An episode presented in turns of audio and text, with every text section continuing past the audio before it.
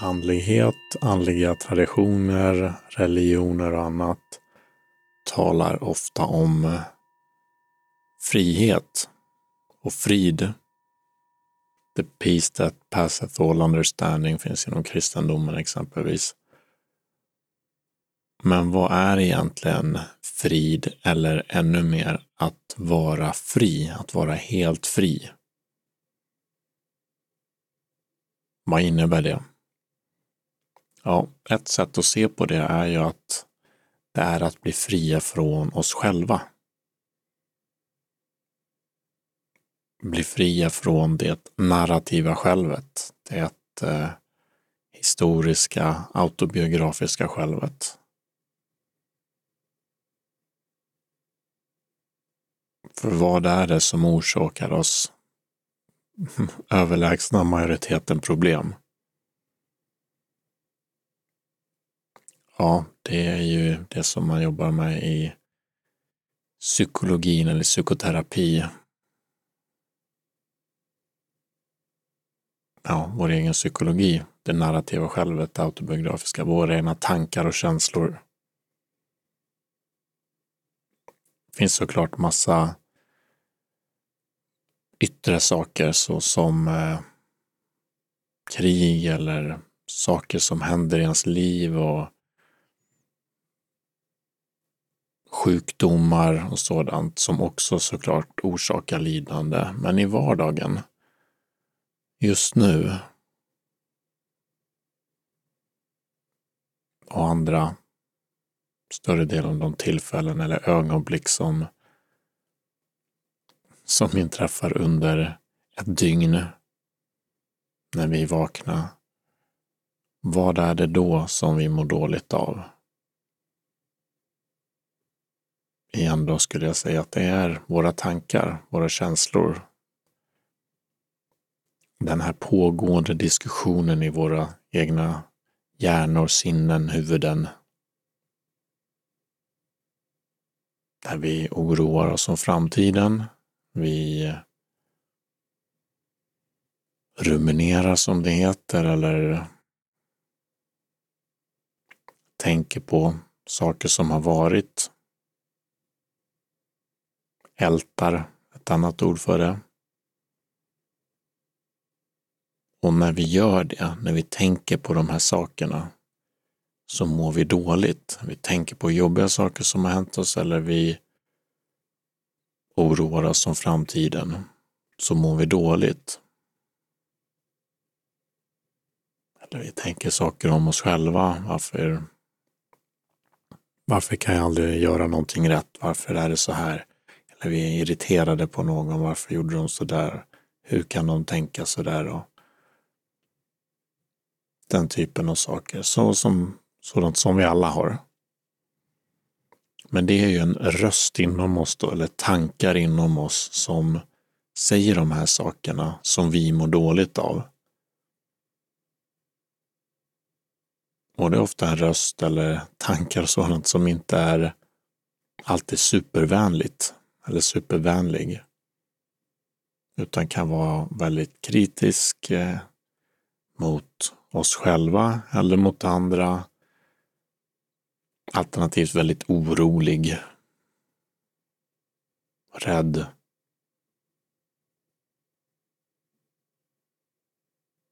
Och igen då, det här mår vi dåligt av. Så att bli fri från det är, ja vadå? Hur blir vi fria från det? Psykologin som sagt, eller psykoterapi, olika typer av terapi, så jobbar man med det. Man jobbar mycket med en kognitiv beteendeterapi till exempel, är ju explicit att arbeta med det kognitiva då. Med våra tankar och känslor. Så vi kan på olika sätt eh, möta tankarna. Vi kan eh, ifrågasätta dem, testa dem, utmana dem. Vi kan välja att exponera oss för dem ännu mer och på så sätt hoppas att de inte påverkar oss lika mycket. Vi kan, som man gör lite mer acceptance commitment therapy, försöka hitta olika typer av förhållningssätt till eh, tankarna och känslorna. Ångesten, oron, ilskan.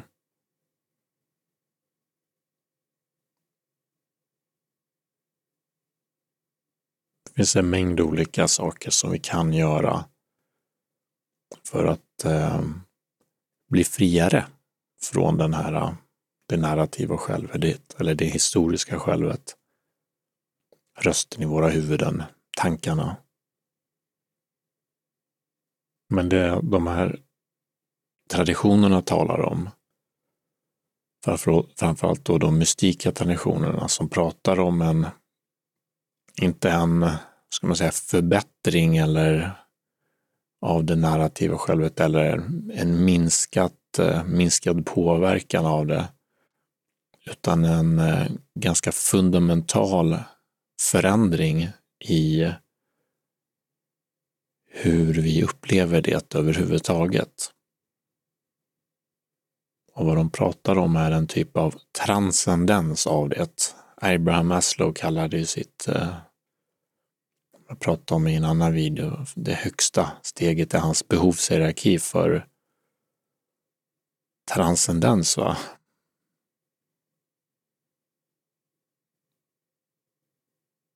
Att vi går bortom jaget. Alla de tidiga, tidigare stegen var ja, men att vi ska ha fysiska behov mötta, värme, mat, kärlek, självförtroende, självförverkligande till och med. Men det handlar fortfarande om jaget, egot, narrativa självet som ska självförverkligas. Sen kan vi gå vidare till en typ av transcendent förverkligande. Eller självtranscendens. Självtranscendent förverkligande. Där identifikationen med det här narrativa, med det här narrativa självet förändras eller upphör. Så det blir en skift, ett skifte. Man pratar i många traditioner om egodöd eller jagupplösning.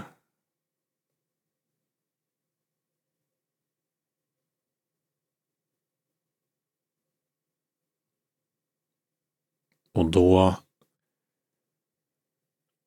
släpper identifikationen då med det här narrativa självet och när vår identifikation med det narrativa självet släpper, ja, det är ju som superterapi kan man säga då. Superpsykoterapi.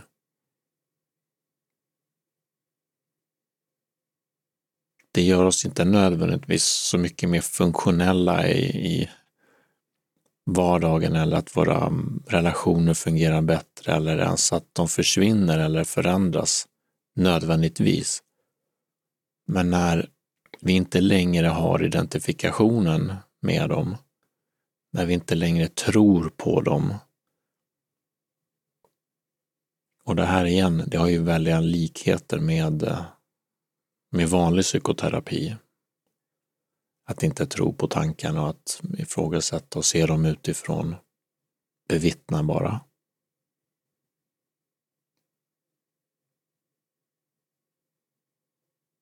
Ken Wilber har det här, eh, han brukar säga att psykoterapi ämnar att hindra, vad ska man säga, vår dröm, den här drömmen eller vårt liv, hindrar det från att bli en mardröm.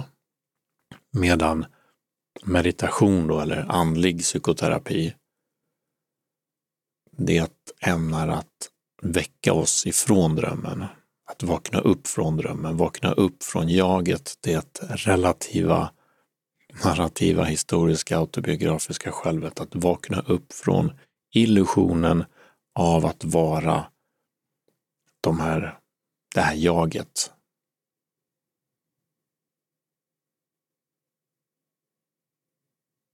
Och det är svårt att förstå såklart vad det betyder. Det går att tänka sig, jaha, Att inte tro att jag är jag längre.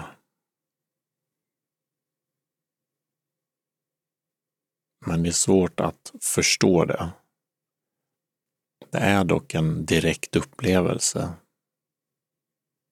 Det är ingen, det är ingen idé på så sätt, utan det är att identifikationen som vi kan ju inte tänka oss någonting annat än det vi upplever egentligen. Alltså vi kan tänka oss att vara i ett annat land och hur det skulle kunna kännas. Men det här är någonting som vi väldigt sällan upplever i våra liv, så det är svårt att föreställa sig det. Men en, den bästa metaforen jag vet, eller bästa liknelsen, är att bli klar i en dröm. Att bli lucid i en dröm, som klardrömmade, lucid dreaming. Att det är ju att bokstavligen inte vakna upp på det sättet, men att vakna upp i drömmen och inse att det är en dröm. Att inse att det narrativa självet inte är det vi är. Men det går bara att se att identifikationen med det, att man kan bara se att den har släppt när den har gjort det. Vi kan bara förstå vad det innebär när det händer.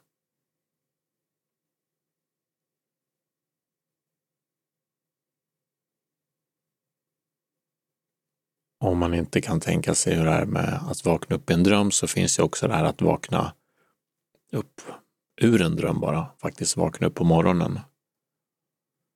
Det liknar också, skulle jag säga, den upplevelsen. Bara det att då hamnar man i en annan värld då, från att vara i en drömvärld till vanliga världen då, som vi säger. Men det är samma liknande, likande omvälvande upplevelse som på ett sätt kan man ju tänka sig att det är någonting vi faktiskt upplever hela tiden. Faktiskt, faktiskt, faktiskt, faktiskt. Vi upplever det när vi går och lägger oss så försvinner den här världen. Sen är vi i en dröm på natten, uppenbarar sig bara en ny värld och så är vi där och så knallar vi runt. Sen försvinner den världen, drömmen försvinner och kommer en ny och samma sak händer igen. Och Lite senare på morgonen så vaknar vi upp. Men är fortfarande i tron att det är på riktigt ungefär. Vi har fortfarande inte förstått att det här är en dröm, det som de här traditionerna säger till oss. Att det finns någonting annat, att, att världen är inte riktigt så som vi upplever att den är. En slöja har dragits för våra ögon. Eller Maja då. Samsara. Vi är lurade. Vi lever i en egoillusion. Som vi med de meditativa praktiker företrädesvis kan vakna upp ur eller inse, se igenom, bli varse.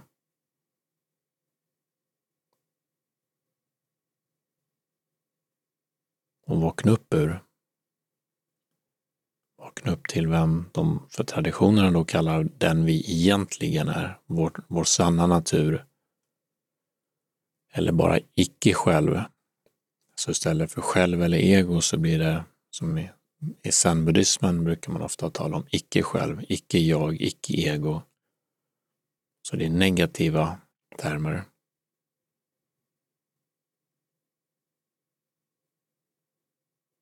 Finns det i kristendomen också via negativa apofatiska teologin. Säga vad Gud inte är. Det finns inom, inom buddhismen med, med Nagarjuna som netti netti, not this, not that, inte det, inte det. Bara skala av tills, ja, vad är det som finns kvar sen när vi skalar bort vad det som finns kvar när vi ser igenom tankarna, känslorna? ser igenom det vi var identifierade med eller trodde på, precis som på natten, då tror vi att det är en dröm. Eller vi tror att drömmen är på riktigt. Vi inser inte att vi är i en dröm på natten. Så vaknar vi upp och så ser vi, oj, det här var en dröm.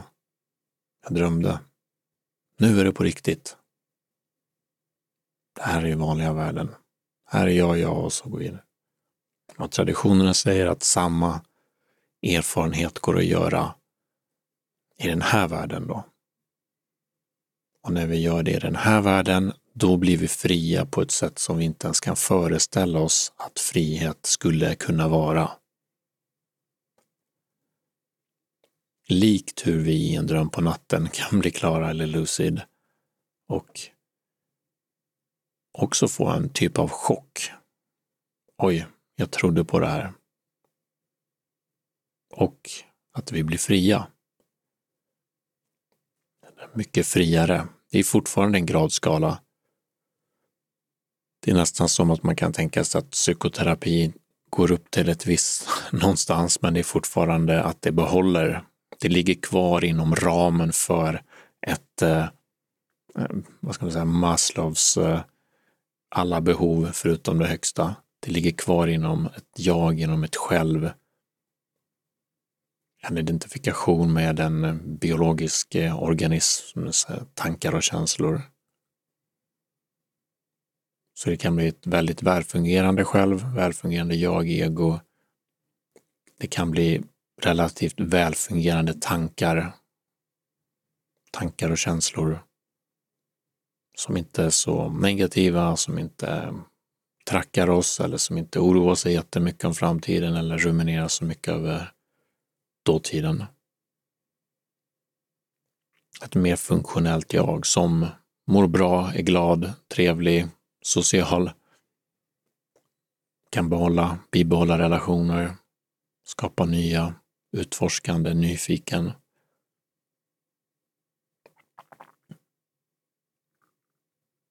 Men den andliga psykoterapin då går längre eller på en annan linje eller hur man nu vill tänka det. Där är målet inte att bli mer funktionell eller ens egentligen att må bra, även om det tenderar vara en bieffekt. Eftersom vi blir så fria. Det är en väldig skillnad att bli friare från vissa tankar och känslor eller sammanhang och att bli fri från identifikationen med den inre rösten överhuvudtaget. Och som sagt, det sker också delvis på en, ett kontinuum eller en gradskala. Så det är inte... Det finns grader av klarhet. Precis som på natten om vi blir, som jag gillar den liknelsen så mycket, så det finns grader av hur lucid vi kan bli eller hur klara vi kan bli i drömmen på natten. Vi kan ana att det är en dröm. Vi kan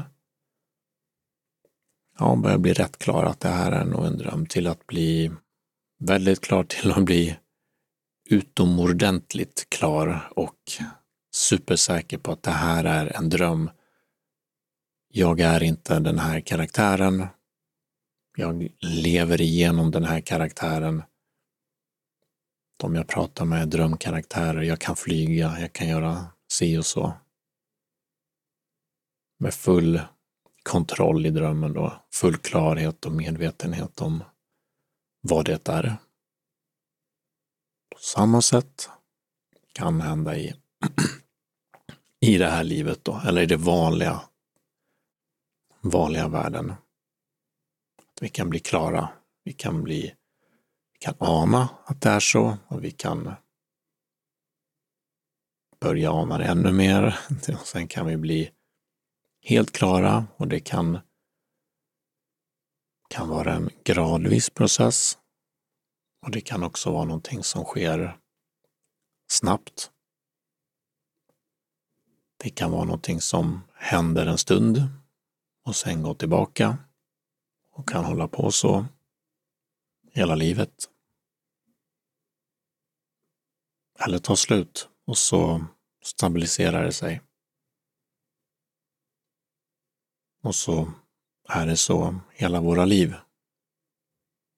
Och det betyder inte heller att människor som då inte längre är identifierade med sina tankar och känslor, det autobiografiska självet, jaget, att de inte har samma problem som andra har. Eller att de biologiska organismerna som går omkring och säger att de erfar det inte har samma problem. Så är det inte. De har exakt samma problem. Men de tror inte i samma utsträckning då på tankarna. De har en annan typ av frihet och med det faktiskt många gånger lycka som följer med. Det är en frid, en frihet, en lycka att inte tro på det som händer i ens huvud.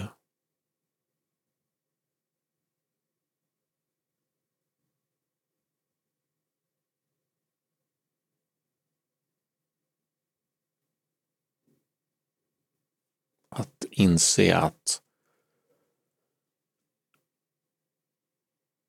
det som händer i ens huvud är bara någon som snackar där. Någon som pratar, någon som håller låda. Men det berör oss då inte på samma sätt.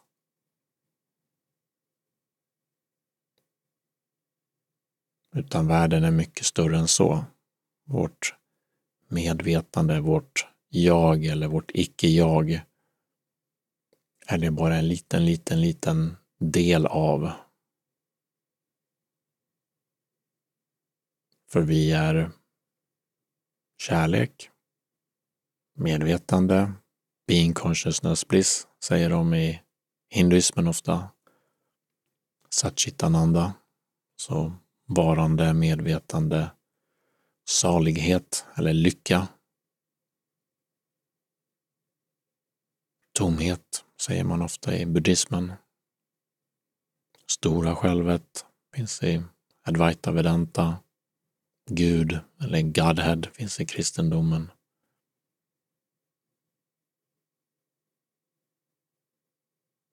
Och alla abrahamitiska religioner för den delen.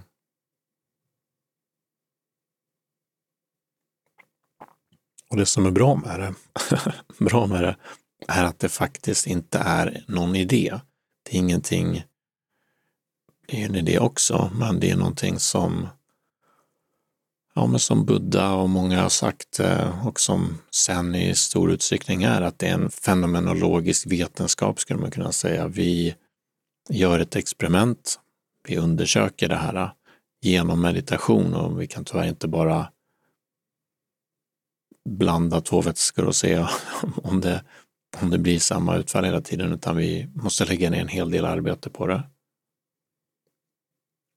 vanligtvis, men vi behöver inte tro någonting. Utan vi kan undersöka själva och sen se.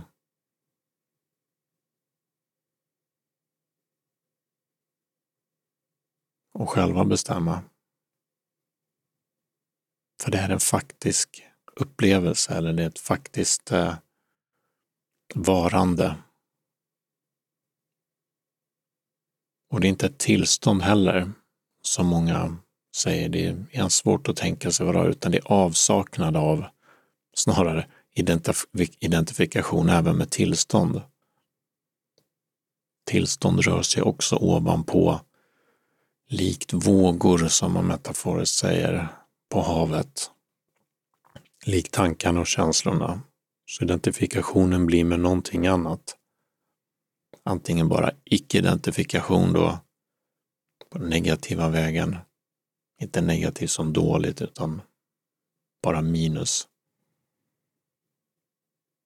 Som nirvana. Nirvana betyder också det, att det är N-I-R, nirvana. Betyder upphörande, utsläckning. Cessation. Så jaget, egot, det narrativa självet, det autobiografiska självet upphör. Och det är ingenting som tillkommer då, annat än frid, frihet, salighet, lycka, ro. Mer av det. Kvalitativt. Långt mer generellt.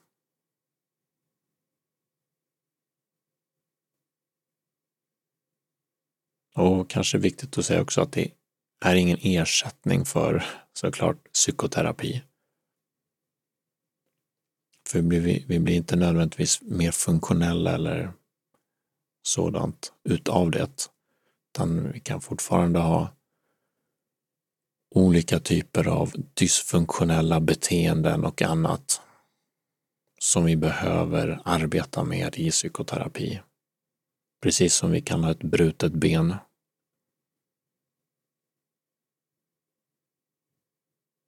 Eller för lite kläder på oss. Så kan vi ha annat som spökar i hjärnan, våra beteendet, kroppen och sinnet. Som orsakar problem för oss själva eller för andra.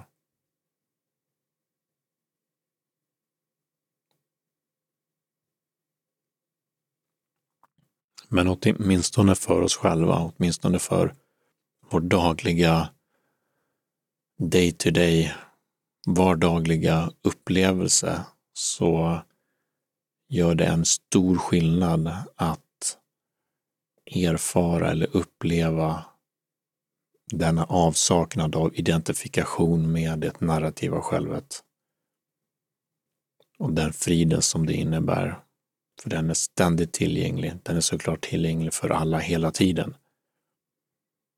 Så fort vi inte tänker så är det tyst.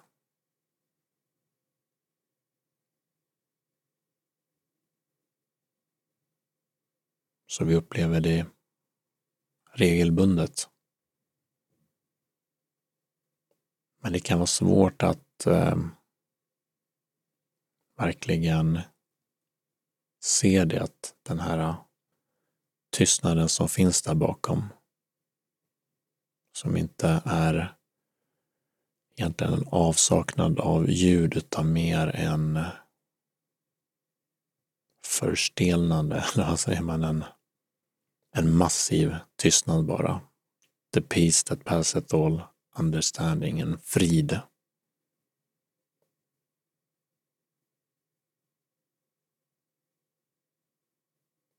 Men den finns där för den som, den som vill eh, söka. Och som de säger så är den ju närmare än någonting kan vara. För du är den. Du är den här tystnaden, du är den här kärleken, du är den här, det här medvetandet.